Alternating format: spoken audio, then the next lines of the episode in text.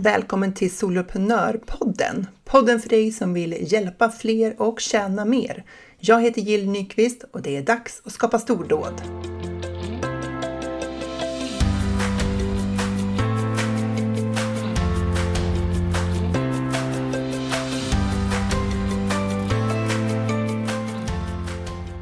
Idag har jag med mig en av mina medlemmar i Soloprenörerna. Det är Maria Kraft Helgesson. Hon är inspiratör, författare och utbildare inom kommunikation och tillgänglighet.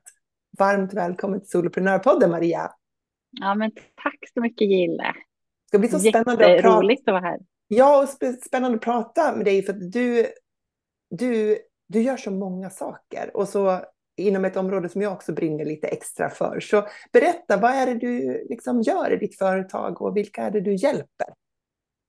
Jag, eh, jag brukar säga att jag hjälper egentligen att stötta dem som är i behov av eh, något annat sätt att kommunicera på än talat språk. Så mycket kring eh, kommunikation och eh, mer kroppsspråk och mimik och bildstöd och det som kallas tecken, alltså det som kommer från teckenspråket, men som när man tecknar och talar samtidigt. Eh, och min målgrupp är ju egentligen, den primära målgruppen är ju de som har behov av det, men jag hjälper ju de som är runt omkring de personerna kan man säga. Så det kan vara anhöriga och familjer till personer med funktionsnedsättning eller andra diagnoser, men också mycket personal. Och då är det personal som finns hela livet runt de här personerna. jag vänder mig till alla åldrar. Så det, det, är liksom en väldigt bred målgrupp som jag har. Ja, precis. En bred målgrupp, men liksom har det här sammantaget då att de behöver hjälp med ett alternativ i kommunikationen. Ja, så kan man säga. Och sen jobbar jag också mycket med tillgänglighet, alltså med den kognitiva tillgänglighet. För vi kanske är lite bättre på fysisk tillgänglighet här mm. i samhället i Sverige i alla fall.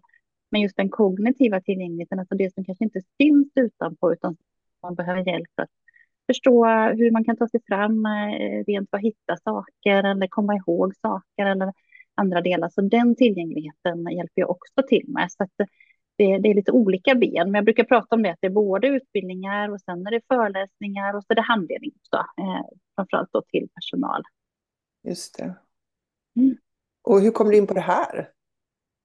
Ja, men jag är musikterapeut från början. Jag tycker det är väldigt roligt att jobba med, med musik och människor. Jag vill inte bli musiklärare, utan då var det en musiklärare till mig på, faktiskt redan på högstadiet som sa det. Men Maria, du, du ska ju jobba med människor eh, och du älskar ju musik och så där. Jag tänkte att det där var någonting och så letade jag fram under, under gymnasietiden. För då gick jag musikinriktning då på, på det som hette samhällsprogrammet eh, eh, och sen så hittade jag en musikterapiutbildning och där har jag fortsatt den banan både kring eh, psykodynamisk inriktning, för jag tycker det är väldigt roligt det här kring samtalspedagogik och, och de bitarna, men också specialpedagogisk inriktning, så att jag har lite olika delar och jag har egentligen pluggat och studerat många gånger under livet, för jag tycker det är härligt att studera också i vuxen ålder. Jag tycker fortfarande det är kul att gå småutbildningar och så där, men jag har läst både på Musikhögskolan i Stockholm, universitetet i Karlstad och i, i eh, Falun-Borlänge, så, så att jag har många olika delar där. Mm. Verkligen. Så här, musikterapiutbildning, är det som det låter att man använder musik i terapin eller är det något annat? Ja, ja det är det. Det är det. Precis att, och framför allt för mig har det betytt mycket att man använder musik som kommunikation då. Också när man använder annat sätt än talat språk. För musik är så, eh, ja, men det är så bra för man kan mötas på samma nivå där inte de talade orden behövs utan musik hjälper ju. Alla vi människor har ju musik jättemycket runt omkring oss hela tiden utan att ens tänka på det. Och det är ju någon form av terapi eller behandling. Jag kan ju själv tänka Jill kanske att ja, men den här musiken lyssnar jag på för idag känner jag mig lite glad och pigg. Mm. Eller jag vill bli glad och pigg, så tar jag fram den här musiken eller vad det nu kan vara. Så att musik påverkar oss så mycket då. Men det har jag med som min bakgrund. Men numera jobbar jag ju väldigt lite med musik. Eh, jag har det som fritidsintresse. Jag har också ett band eh, som jag är med i som heter Sign Up en ja, favorit, favoritsysselsättning får jag säga, där vi sjunger och där jag också tecknar samtidigt, alltså använder tecken som ah. stöd. Mm. Precis, du har, ju, du har ju flera starka intressen, för du har ju också orienteringen. Ja, ja så orienteringen som jag också då, jag är ordförande för Svenska orienteringsförbundet. Så att eh, både idrott och eh, liksom den här delen av, av, musik och kommunikation och tillgänglighet, båda de sidorna har funnits med mig hela livet.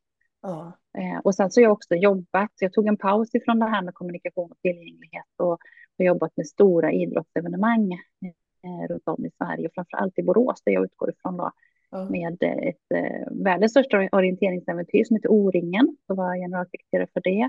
Och sen också de här SM-bäckena som finns, alltså där man samlar många olika idrotter på en och samma plats. Eh, och då har de genomfört de sina svenska mästerskap respektive idrott. Jag var projektledare för dem också två gånger, en sommarvecka och en vintervecka då, som tyvärr blev inställd i pandemin, men jag var ändå ända fram där. Ja, precis. Ja, mm. alltså det är ju stora events det där. Ja, det är det. Det är jättestora. Det, det är ju eh, stor turistekonomisk omsättning och mycket folk och ja. Eh, ja, men väldigt roligt. Och projektledningen är ju över flera år i sådana evenemang. Mm. Mm. Jag tycker att det är superkul och där har jag också försökt att få in lite av den här biten kring mitt intresse för människor med, med funktionsnedsättning eller andra delar. Så att vi, i alla de här idrottsevenemangen har vi faktiskt haft delar där man också fått, fått själv pröva på idrotten utifrån olika, eller från, från sina förutsättningar också då. Att delta så. så det har jag verkligen så här, ja, det går att blanda olika områden. Jag tycker det är väldigt roligt. Mm. Hur var det liksom så här, har du haft en anställning och sen startar du eget eller har du jobbat eget från början? Nej, det så här var det faktiskt, att jag fick en anställning på 60 procent Eh, på ett ställe som jag eh, praktiserade på redan när jag gick eh, min första utbildning i musikterapi. Så att jag praktiserade där och så frågade de mig sen när praktiken var färdig så där och skolan skulle sluta. Vill du, ja, här finns en tjänst, vill du söka? så, och då fick jag den på 60 procent i Göteborg på ett resurscenter som heter Eldorado då, som var för just för personer med, med funktionsnedsättning på ganska tidig nivå, alltså att man kommunicerar bara med, med kroppsspråk och, och mimik och blick och andning och så där då. Eh, och sen så gjorde jag lite andra extra saker och jag tror där började nog min entreprenörsbana faktiskt. Och då var det en, jag kommer så väl ihåg detta, så då var det en eh, förskollärarchef, det var chef på förskolan där, en Montessori-förskola som sa Maria, vi vill att du kommer hit en gång i veckan och har musik, men du måste starta ett företag för att jag kan inte anställa dig. Nej. Oj, och jag bara, oj, oj, oj, 21 år var jag sådär och hur ska det här, det här gå till? Så där startade jag min enskilda firma, ja. eh, Marias musikkraft, heter den då, kraft med två F då. Ja, just det, såklart. Ja. ja.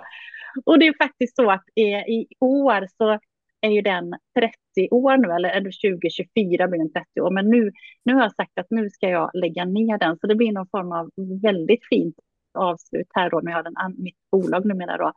Eh, men, men där startade den, så den har bedrivits hela tiden. Så jag har varvat att vara anställd en viss procent och att jobba då i min firma också en viss procent. Mm. Och hur ser det ut just nu i ditt företag? Vad, liksom, om du beskriver verksamheten i ditt bolag? Ja, det, den, då, då var det ju mycket musik och, och, och jag kom så småningom in på det här med AKK och som det kallas för alternativ och kompletterande kommunikation. Alltså det, det som är kommunikationsstöd kan man säga då. Så jag har samlat på mig jättemycket erfarenhet och kunskap i det och samtidigt så bedrivit eh, en, ja men det har varit en efterfrågan på den kunskapen också av det här med kommunikation och tillgänglighet. Så jag eh, kände väl så småningom att men jag vill göra mer. Efterfrågan var så stor på det som jag kunde bidra med. Och då diskuterade jag med min eh, revisor och så var det väl de här stegen som man tar där när man börjar nosa på det här. Kan, kan, skulle jag kunna leva på detta och mm. bara göra det här? Och det väcktes någonting i mig och så började vi räkna på det, hur mycket jag behövde tjäna i månaden för att klara och att det skulle gå runt och så där då på, på den nivån som jag önskade. Um, och sen så var det väl, kan man väl säga så här, att jag kände att nej, men det kommer inte hålla bara för handledning eller bara för föreläsning. Jag måste hitta någonting som är det som mycket du bedriver också, Jill, med det här, någon form av eh, någonting som rullar på, där mm. kommer ändå. Eh, och då fick jag, vet inte hur det var, men jag fick en snilleblixt eh, 2018. Då kände jag så här, ja men jag kan ha webbutbildningar med tecken. För det var så stor efterfrågan och jag kunde mm. inte åka runt hela Sverige och, och utbilda. Och så kände jag också att det som var den stora efterfrågan var ju hur upprätthåller vi den kunskapen? En sak är att Maria kommer och pratar eller föreläser eller har en kurs i tecken som, som, som det var då mycket.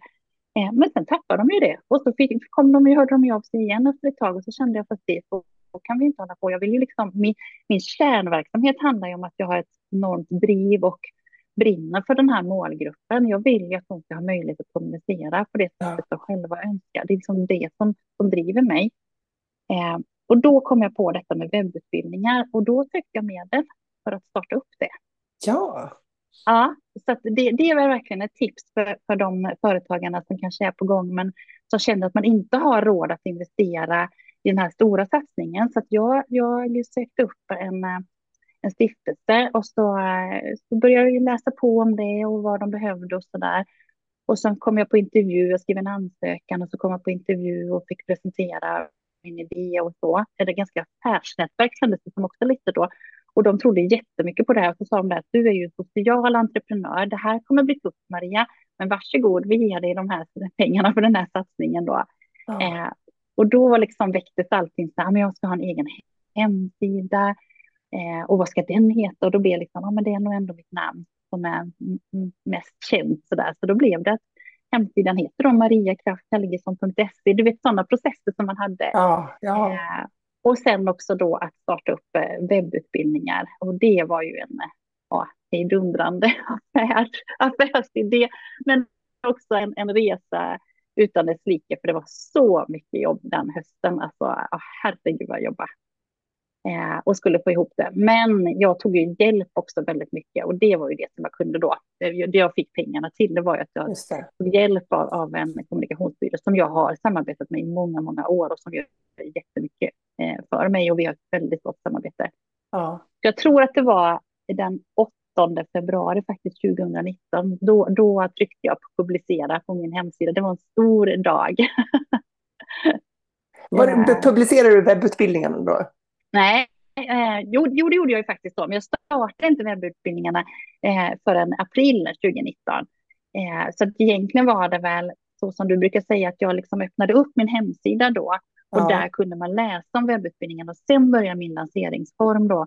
I, eh, eller lansering kan man säga i ja, en och en halv månad. För 8 april faktiskt så startade jag upp 2019. Då hade jag första webbutbildningen en livesändning i en studio, en pytteliten studio som jag, den här eh, kommunikationsbyrån hade då. Ah, herregud vad vi höll på att bygga om hela studion för att jag skulle ha en green screen och bakom och ordnade ah. allting så. Ah, det var fantastiskt. Eh, och vilka var och, målgruppen för den första webbutbildningen då? Ja, men jag hade ju inte riktigt koll på det. Jag tänkte att det skulle vara väldigt mycket föräldrar och det var det. Det rullade in anmälningar. Man tjuter så där av glädje när första anmälan kom ja. via Klarna och betalsystem och allt du vet sånt här som ska funka då. Eh, men sen så kom ju anmälningarna och från skolor, ja vi använde 30 personer och oh. förskolor här, vi använde 12 och det var så, jag minns jag var helt chockad. Men herregud tänkte jag, det här måste ju ändå vara bra. Det är någonting som de, som de gillar med det jag har gjort och, och kanske också kände till mig lite innan då. Ja. Men då förstod jag ju direkt att stora målgruppen är ju personalgruppen. Det var ju inte föräldrar och anhöriga som jag kanske hade trott. De är ju också med. Men, men de får ju ofta utbildning utbildningar på ett annat sätt då, eller ska i alla fall få. Det är inte alltid ja. de får den kvaliteten kanske de önskar, men, men de ska ju få det på annat sätt. Så, så där började min bana med det och mejlutskick och filmer och så där då. Och den här eh. första liksom, hemsidesplattformen som du tillhandahåller kurserna på, vad var det för någonting då? Ja, det var ju Wordpress.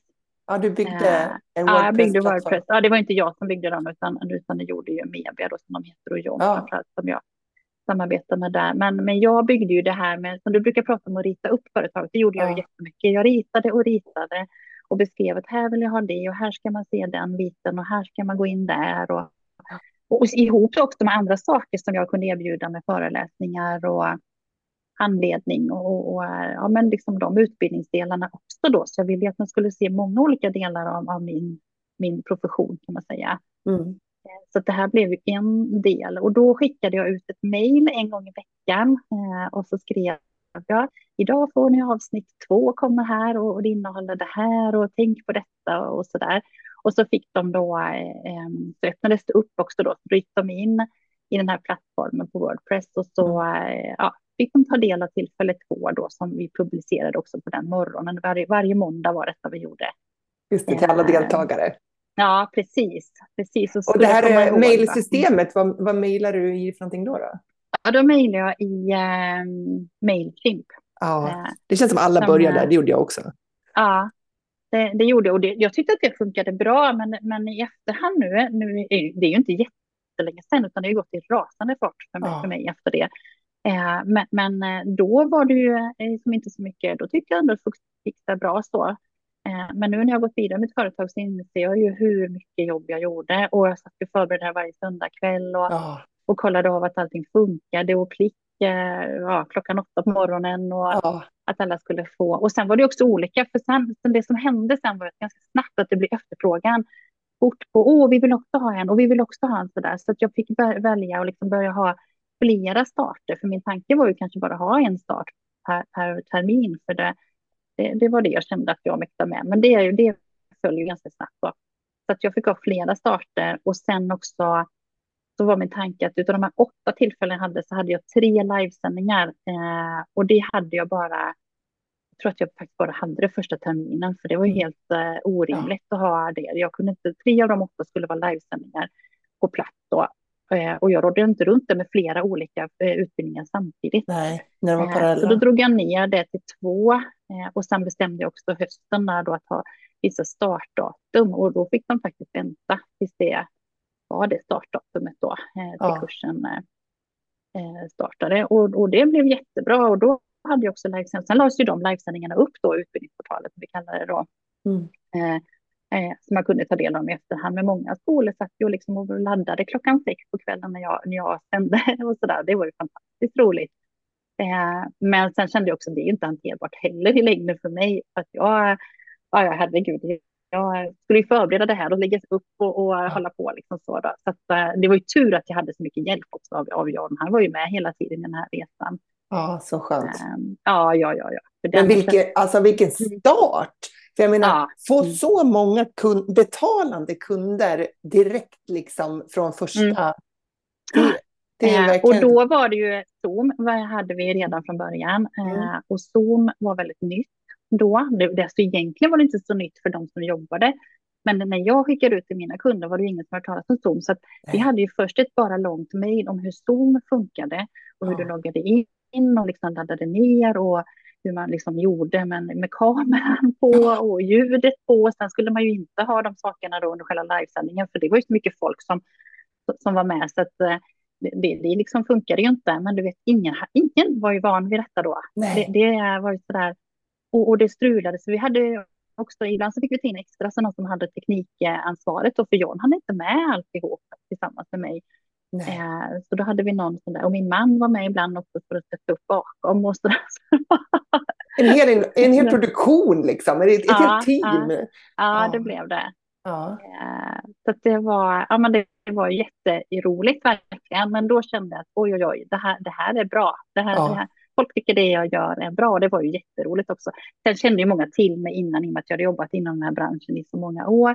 Och många kände till mig i den, musik, den här Sign Up också. För vi har en YouTube-kanal ska jag säga också då, som, som är väldigt stor och, och där vi har eh, en, en stor krets av publik och fans. Då. Så att, eh, de visste ju att det jag gjorde var eh, liksom hög kvalitet. För det är ett av mina, jag har tre ledord också och det är tillgänglighet, kvalitet och glädje.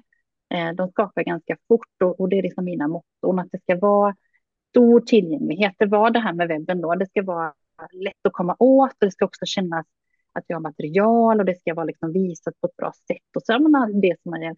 Och så hög kvalitet. Det var därför också jag liksom filmar allting i studion med, med kameror från olika vinklar och ja, det skulle kännas proffsigt. Man skulle känna att man får någonting riktigt bra här. Ingen tvekan på det Och plus att också materialet som är producerade, eller producerade fortfarande, eh, ska vara kvalitet på. Att det ska vara riktigt och, och färskt och uppdaterat och sådär. Mm. Och sen mycket glädje då. Det är liksom min grej, att man ska ha roligt när vi gör detta också. Så vi har skrattat väldigt mycket tillsammans i livesändningarna och jag är ju lite tokig. Jag kan ju få för mig infall och jag, jag tar ofta in gäster också som, som bjussar på sig själva och vi skrattar och Eh, och det kan vara gäster. Jag har en, en liten favoritgäst som heter Ellen som är en tjej med Downs syndrom som, som nu är då 17 år. Hon är ju fantastisk att ha med i livesändning för då vet man aldrig vad som händer och så där. Så det, är liksom, det, det, är också en viktig del av det, så att man implementerar det som händer. Kunskapen implementeras direkt i vardagen. Det, det tycker jag är viktigt. Då. Det är också mm. en del av kvalitet. Mm. Absolut. Eh, men vad var nästa steg efter det då? För då hade du byggt upp liksom en eh, hög kvalitet, du hade din Wordpress-plattform och du kör dina mm. webb eh, i olika starter. Vad hände sen? Ja, men då hände ju det som jag egentligen önskade, att jag insåg att jag skulle kunna leva på detta. För att då blev ju den intäkten tillräckligt stor. Så då sa min revisor till mig också, Maria, nu är det dags att bilda bolag. Så då startade jag mitt, äh, mitt bolag då som heter Mariposa Kompetenscenter AB eh, hösten 2020. Eh, och då hade jag fortfarande anställning som jag visste skulle ta slut första mars 2021. Så att jag förberedde den hösten för att liksom komma igång. Så jag jobbade ju inte mer än, mer än de här webbutbildningarna då under hösten 2020 också. Och då hade ju också pandemin satt igång. Så efterfrågan då var ju enormt stor. Eh, och, och um, det, det, hade ju inte jag, det visste man ju inte, detta är ju så konstigt hur det kunde bli så. Men då var jag ju redan färdig med alla mina utbildningar och allting fanns ju på plats när folk efterfrågade webbutbildningar. Alltså snacka om och, timing. Det är naturligtvis bara ja, liksom, ja. ingen förutser ju en pandemi liksom, men du var ju helt rätt ute. Ja, jag var helt rätt ute. Så någonting, jag brukar säga det, min intuition är, är ganska bra på något ja. sätt. Så det är någonting, det där var meningen, det där var meningen. Så, så händer ofta för mig. Och det var ju så typiskt det då. Eh, och då bildade jag mitt bolag eh, och tyckte det var jättespännande. Det var ju superstort för mig att få ett aktiebolag och eh, ja, men fixa med det. Egentligen är inte skillnaden jättestor från en enskild firma, men, men det liksom blev någonting större för mig på, på pappret och som jag kanske hade sett fram emot under många år också då längtat mm. efter att få göra något eget. Eh, jag är någon form av entreprenör i mig, fast jag kanske har jobbat och varit anställd så har jag ändå haft olika projekt hela tiden. Ja, så den, någon form av driv har jag ju så. Eh, ja, men då startade jag det och sen så första mars 2021 då, så gick jag all in och eh, har jobbat sedan dess då på, med, med det egna företaget. Eh, och eh, också känt att jag att liksom hela tiden hitta på nya saker. Men nu ha, hade jag ju säkrat upp att jag kunde leva på det med, med webbutbildningarna. Mm. Eh, då. Och sen i och med att man också säger till att nu ska jag bara jobba mitt företag så blir liksom almanackan tom på ett helt annat sätt än att jag hade varit anställd innan. Mm. Så jag, plötsligt kunde jag också säga ja till mycket, mycket mer. Men det som också hände där då eh, sommaren 2020, för då hade jag jobbat ungefär ett år med webbutbildningarna och såg att det var stor efterfrågan på det. Så kände jag att jag ville ge någonting mer och göra någonting mer. Så och jag gillar idrott mycket, så att det var så här att under ett rullskidpass som jag åkte så bara det slog mig så här. Ja, men jag vill inte ha någon podd eller liksom sådär, men en vodd, det vill jag ha. Då visste jag inte att det hette vodd. Nej att jag vill ha någonting på Youtube så att man kan se materialet, man kan se vad jag gör och så där. Eh, och det är bara liksom damp ner också en sån här grej. Eh, och när någonting sånt eh, dimper ner i mitt huvud, då kan inte jag släppa det. Så, som, som är jag. Så då jobbar jag hela den hösten med att skapa ett koncept eh, i mitt nästa varumärke kan man väl säga då. För då hade jag ju skapat Maria Kraft Helgesson.se. Det var liksom första delen i varumärket och sen ja. så kom ju Mariposa kompetenscenter då, i och för sig företaget där. Och sen kom då Maria inspireras av. Som eh, eh blev eh, nästa del i min lansering. Så, eh, och också åttonde faktiskt, det här var ju lite roligt att berätta för nu, det var ju åttonde januari. Det hänger med det där. Ja, ja det gör det ju faktiskt. Eh, 8 januari 2021 så hade jag, släppte jag mitt första avsnitt i Maria inspireras av. Och det är en, en eh, VOD som det heter då, alltså en vodcast på Youtube, alltså att det är video istället för podcast då. Eh, och det gjorde jag också ihop med någon kommunikationsbyrån eh, och bjöd in gäster för samtal i en studio. Så berättade jag för, för, för eh, kommunikationsbyrån hur jag vill ha det. Så de fick ju testa också. De brukar säga det, det är perfekt, Maria kommer och så får vi anpassa oss efter det. Och då har vi hittat något nytt och de ja. också liksom får pröva, pröva sitt sätt att utveckla konceptet då. Ja. Så vi eh, tog in gäster där och så ibland spelade jag in flera samtal eh, samtidigt. Jag kände ändå att jag behöver, jag kan inte släppa ett avsnitt i veckan och ha nya gäster varje gång i en studio. Det funkar inte. Nej. Eh, och mitt koncept var också att ta lite kortare mellan 20 och 30 minuter. Mm. Och då visste jag ju inte, jag tänkte jag testar en, en säsong liksom med eh, våren 2021, men det blev ju också jättelyckat och det var ju jättemånga som uppskattade det. Plus att jag kunde använda det också i min egen marknadsföring. Jag kunde använda det i mina utbildningar, för det var ju så kloka, fina, härliga gäster jag hade som sa så mycket bra saker som var meningen också då. Jag kunde ju använda det också i mina utbildningar då. Eh, det. Så där är jag inne nu på femte säsongen. Släppte jag, jag avslutade femte säsongen i fredags eh, här nyligen då. Och eh, ja, 88 avsnitt har det blivit nu, så mitt mål är 100 avsnitt i höst i alla fall. Ja, precis. Men då, mm. då kör du säsonger. Hur, hur, eh, hur ser mm. säsongen ut? Är det januari till juni eller, eller någon annan? Ja, det är det. Januari till juni och sen augusti till december då. Så att jag har eh, sommaren, ledigt på sommaren och sen så har jag också då ledigt några veckor i, i jul och december. Eh, och det kanske inte var min tanke från början, men det kan jag också tipsa om att ni som känner det, för när jag väl hade upparbetat, jag tror att det är viktigt att ha ett antal i rad från början. Ja. Eh, för det, då hittade ju publiken dit, eller lyssnarna då, eh, och tittarna. Eh, men sen så känner jag ändå att de kommer tillbaka sen. De, de förstår att jag behöver eh, lite ledigt och sådär. Och jag tror också att det är bra, för på sommaren så lyssnar många på sommarpratarna och sådär. Så Just då upplevde jag också att det ändå gick ner lite. Ja. Men det ska jag säga då, efter ett halvår där, när jag har haft första säsongen, så var efterfrågan jättestor på en podd också. Så då skapade jag det eh, med samma ljudfil som jag har på podden. Eh, och det funkar jättebra.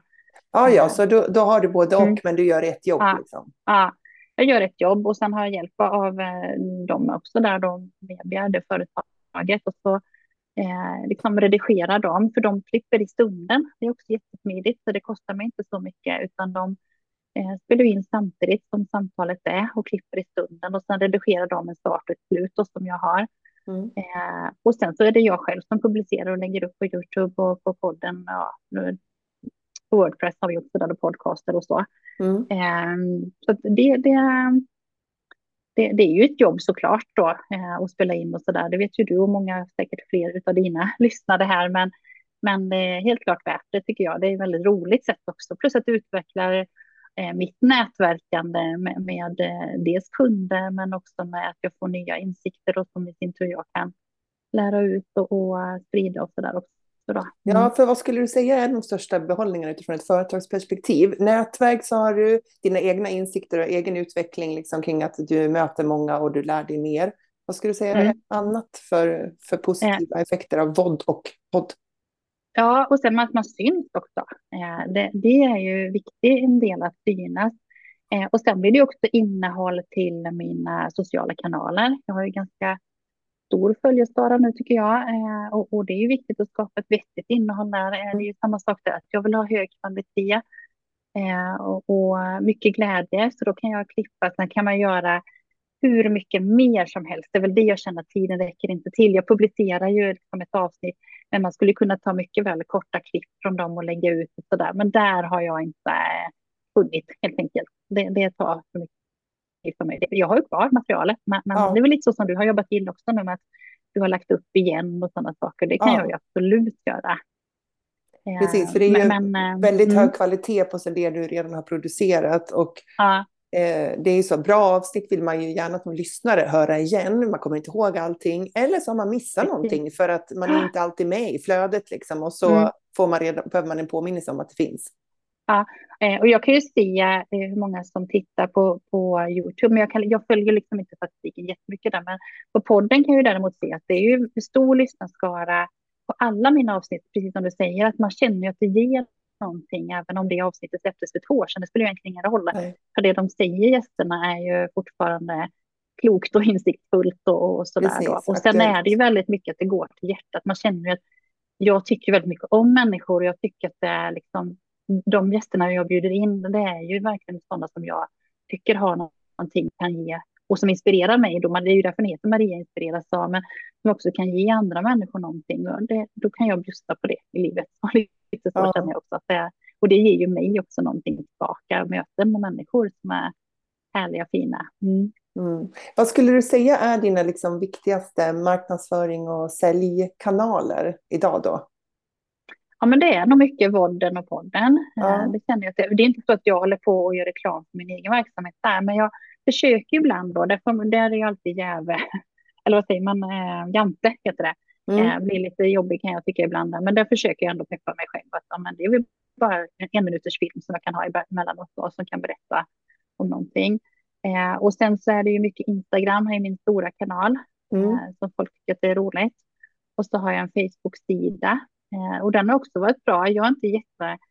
Eh, jag tycker inte Facebook är riktigt um, så roligt, min stora Nej. kanal. Men just när jag skaffade en sida så blev det bättre. För den privata är många som är med på Men jag känner inte folk där, så att jag använder inte min... Det har inte blivit privat heller längre. Nej. Den, den är, det är jättemånga som inte jag vet vilka de är som jag Ja. släpper in. Eh, Så att min Facebook-sida är ju mycket bättre och eh, Instagram. Eh, Sen är jag på LinkedIn också. Där, där har jag utvecklingspotential verkligen. Jag har inte riktigt sett eh, mina betalande kunder finns ju såklart där, för oftast är ju det chefer av Ja. en större enhet eller kommun eller sådär. Eh, men jag har inte riktigt det här, det är inte så, så roligt tycker jag inte där. Och jag drivs ju mycket av det, att det ska Ja. kännas, eh, ja men vad härligt också för mig. Eh, så. Vad ser du framför dig liksom är, är liksom nästa eh, nivå av ditt företagande? Ja, men det, det har ju faktiskt, eh, vi har inte kommit till det då. Man kan ju säga att nu har ju Mariposa Kompetenscenter blivit som en koncern kan man säga. Ja. Jag, jag vill säga det, min, min, min lilla stora koncern. Eh, för att om man ser till att Mariposa Kompetenscenter som bolaget heter då så har jag ju tre varumärken numera under. Jag har Maria Kraft Helgesson som är, som är mitt varumärke kring utbildningar och föreläsningar och sen så har jag ju då Vodden Maria inspireras av.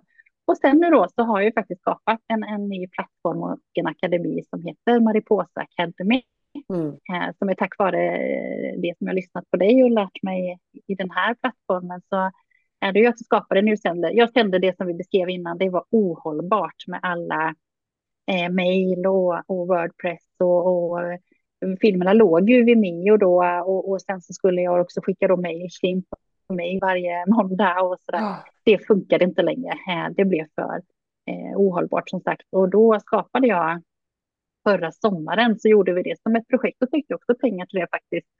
eh, För att skapa en eh, plattform som då skulle vara mer tillgänglig i olika bemärkelser. Och sen hösten, ja, augusti då, 20, vad blir det förra året, 2022. 2022. Och, Ja. ja, då hade jag lanseringen eh, och starten av Mariposa Academy. Som, eh, där alla mina utbildningar på webben finns numera då. Som då blev Eh. Newsendler-plattformen. Ja, precis. Eh, sen så har jag e-postlistan kvar på Mailchimp, men successivt flyttar över den. Eller jag startar ju inga nya där, så kan man säga. Men, Ja, men den var ju så stor, eller är så stor, så jag känner inte att jag kan inte bara stänga ner den, utan jag måste ju fortfarande, de kunderna finns ju kvar där. Ehm, men successivt så bygger jag upp också nu då i, i Newsendler där. Är det väl redan så känner att jag startade i augusti Mm. och eh, i farten där och hade bestämde mig för två nivåer av medlemskap, en premium och en bas. Mm. Eh, där basen tillgång i sex månader och premium i ett år. Så de, de medlemmarna har inte ens eh, varit färdiga. Jag har ju inte liksom haft min första kull Nej, färdigt där ännu. Eh, och redan nu så håller jag på att ändra om faktiskt. Eh, för jag kände att eh, det, det efterfrågades onlineutbildningar också, så enstaka utbildningar också. Jag, Ja. jag tänkte att det är egentligen det bas är. Så att nu ska jag ha en, en medlemskapstjänst som kanske fortsätter att heta premium, det vet jag inte, med, men innehåller allt då som finns. Och sen så ska jag ha eh, olika eh, utbildningar, enskilda utbildningar som egentligen är samma sak, men som man, där man bara köper en grundutbildning. Eller, Ja. och då ska jag också ha lite nischade då, så att det är till exempel till föräldrar eller familj eller till eh, förskola eller till skola eller vuxna då, eh, eller förening. Bibliotek har jättemycket runt om i Sverige som hör av sig. Så jag ska också ha nischer som bara är för, för personal inom biblioteken i Sverige då. Just det. Så då Eh, kommer för du ha liksom ju- både en prenumerationstjänst för de som är intresserade av det och sen finns det också utöver det enskilda kurser Ja. som man kan köpa och ja, plocka Ja. ihop det man vill. Liksom. Ja, och då ska jag också ha livesändningar och då får man helt enkelt ta del av dem om man önskar under den perioden man är, liksom medlem. För man är ändå på något sätt medlem eller prenumererar då den här sex månader. Och Mm. är det då, jag ska försöka få till det minst två livesändningar under den perioden som man kan ta del av om man önskar och så läggs de upp eh, och är nåbara under de perioder man själv är, är medlem då eller liksom när man har kursen, så kan man väl säga då. Mm. Under sin tid som kursdeltagare. Mm, mm. Så det, det är som det, jag tänkte på det, du skrev ju någonting om att man, de här olika fem stegen som Mm. man kan ha där. Och det var så roligt, för när jag lyssnade på det, jag tror du släppte kanske det i mars eller någonting, då var jag i så här, "Ah, hysteriskt, jag har så mycket efterfrågningar och var mitt i, liksom, hann inte utveckla eller jobba eller göra någonting. Det. Jobba gjorde jag ju, men det var liksom Ja. bara, inte med, men liksom företaget, utan det var bara resa, resa, resa och så utbildning och så resa och så utbildning och så var det en föreläsning där och, så där. Eh, så jag verkligen så här, att, och det går bra nu, eller vad du kallar det, den ja. fasen. Uh, och nu är jag ju då i nyorienteringsfasen igen. Så nu utvecklar jag och det har lite lugnare och eh, liksom nästa steg. Så det är, det är jätteroligt att vara i nyorienteringsfasen också känner jag. Nu är det lite jobb igen om jag nu ska sitta här på tåget om en stund och så ska jag sitta och fixa och dona och sådär också. Ja. Jag, jag, har ju, det kan jag också tipsa tycker jag och rekommendera att jag har ju hjälp med det tekniska. Det har varit en förutsättning för att jag ska komma så långt som jag gjort då, att jag har den hjälpen. Men han skapar ju ramarna kan man säga, mallarna. Ja. Och sen nu, nu sköter jag ju det själv och det är också tanken så att jag mm. kan eh, minska mina kostnader i företaget också då, men också bli mer självständig såklart. Men det blir också mm. väldigt sårbart om det bara är jag. Så nu har vi sagt till både John kan det, men också satt in en annan tjej på deras företag som också ska kunna, också ska kunna fixa. För om, om jag händer någonting ja. eller man blir sjuk eller liksom ja. någonting, så vill man ju ändå att man ska kunna ta del av filmer och, och ja, det skulle vara någonting. Så det blir oerhört sårbart om det bara är jag som kan detta. Mm. Um, så, så, har jag jobbat. Men sen som sagt så gör jag ju det mesta själv, men han har skapat. Jag har inte skapat eh, liksom, strukturen, utan det har han gjort. Mycket, han är mycket bättre och han gör det ju jag vet inte, fem gånger så snabbt mot vad jag gör. Och det, så, så det liksom blir mycket effektivare. ja, mm. Absolut. Och det är ju så, det är många saker i vårt företag vad det gäller tekniska som är uppsättningar, som är liksom mer struktur och ramverk, mallar. Liksom. Och sen, ja. sen tycker jag tycker det är klokt av dig att du har valt just den vägen, att här, ta hjälp av det där, men du kan, eh, du kan utföra det löpande. För det gör ja. ju att du blir mycket mer snabbrörlig. Förutom att du sparar vissa liksom, externa kostnader så blir du ju mycket mer snabbrörlig. För du behöver inte vänta på att någon ska hinna göra det där åt dig och uppdatera den här texten eller lägga in den här videon eller vad det är för någonting. Utan där, där har du kontroll och kan jobba på i den takten mm. du behöver. Mm. Och där är ju Newsender också upplagd eh, på ett bra sätt tycker jag. För att jag, där kan man ju också kopiera. Så när vi har kört liksom mm. en första eh, webbinar och när vi hade kört ett första eh, Klas eh, heter det väl, eller vad heter det nu? Den, ja, den kategorin. Ja. ja.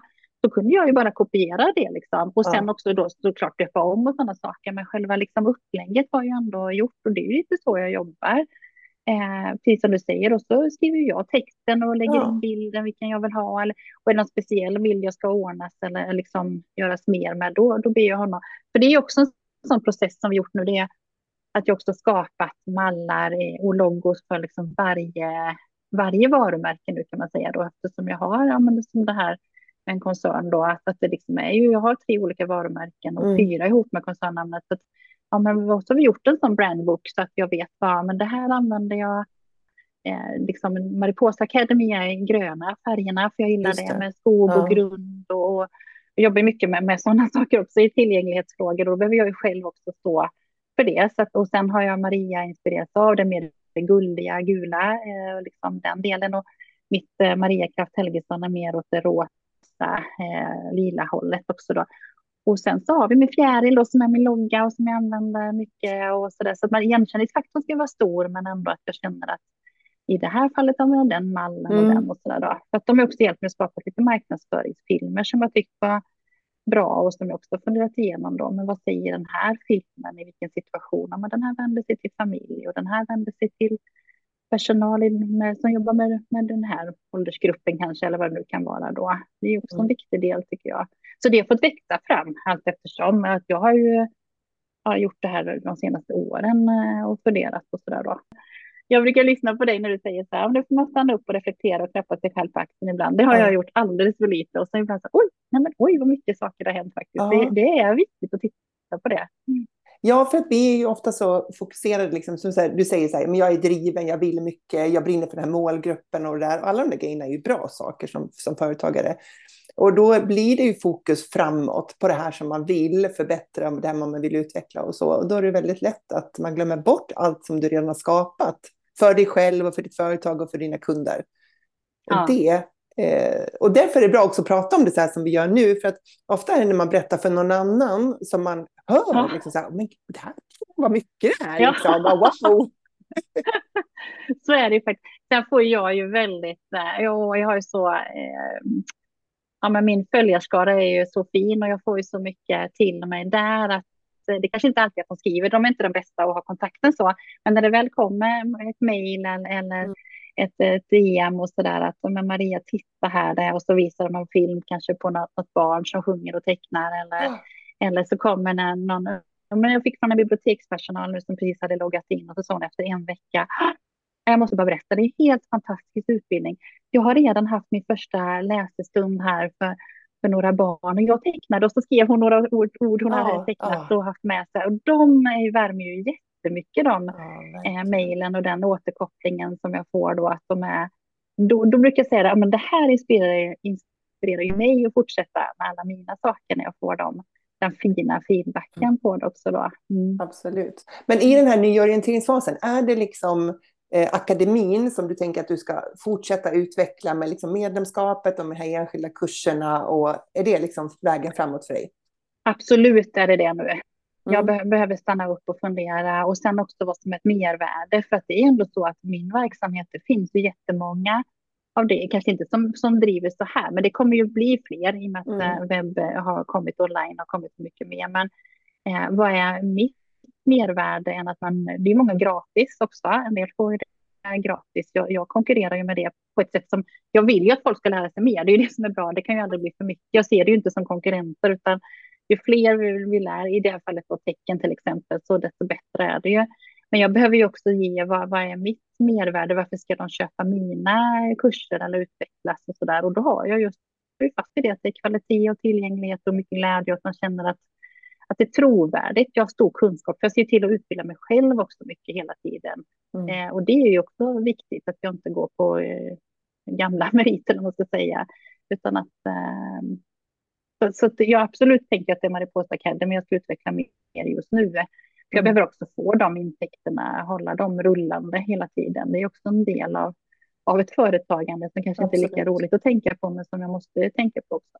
För det blir ju tuffare tider för alla nu. Det tror jag vi alla egenföretagare märker också. Att, att eh, effekterna både av pandemin och eh, det som sker i världen just nu är eh, ja, det kommer vi märka av helt enkelt. Så. Mm. Du, om man nu blir väldigt inspirerad av dig och vill vill eh, se mer av det du gör. Kan du, kan du berätta, var hittar vi vodden, podden, Instagram? vi börjar med vodd. Vad söker man på då? Hon som jag samarbetar mest med Molly, hon som ja, då spelar in alla mina, så här, hon brukar ha så här, och så tar vi våra tio kanaler då Maria. Ja, ja precis.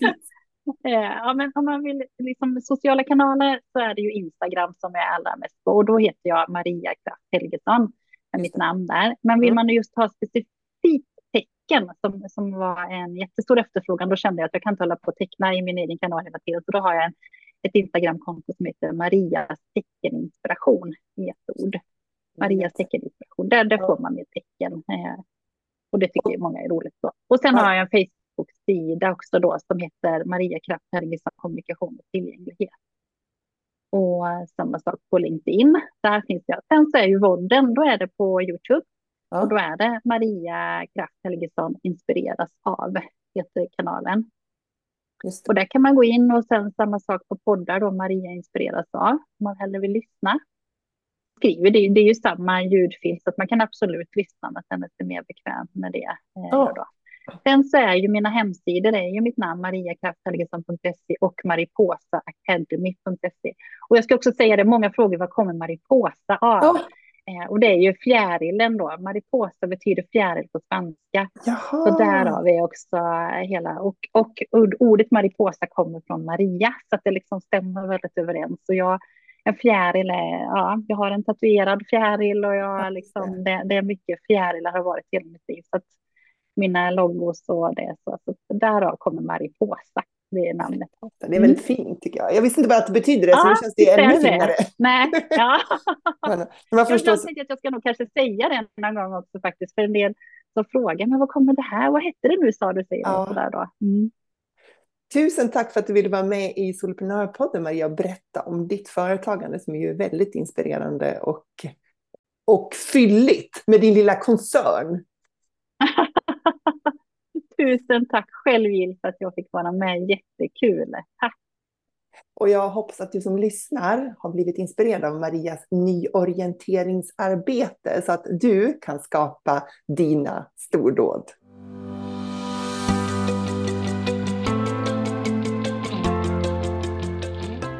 stort tack för att du lyssnar på Soloprenörpodden. Jag är så glad att ha dig här. Du får jättegärna lämna mig en review på iTunes och ratea podden. Ge den fem stjärnor om du tycker att den är värd det, så hjälper du mig att sprida den till fler. Eller varför inte ta en skärmdump på det här avsnittet och tagga mig på en story på Instagram, solopreneur.nu.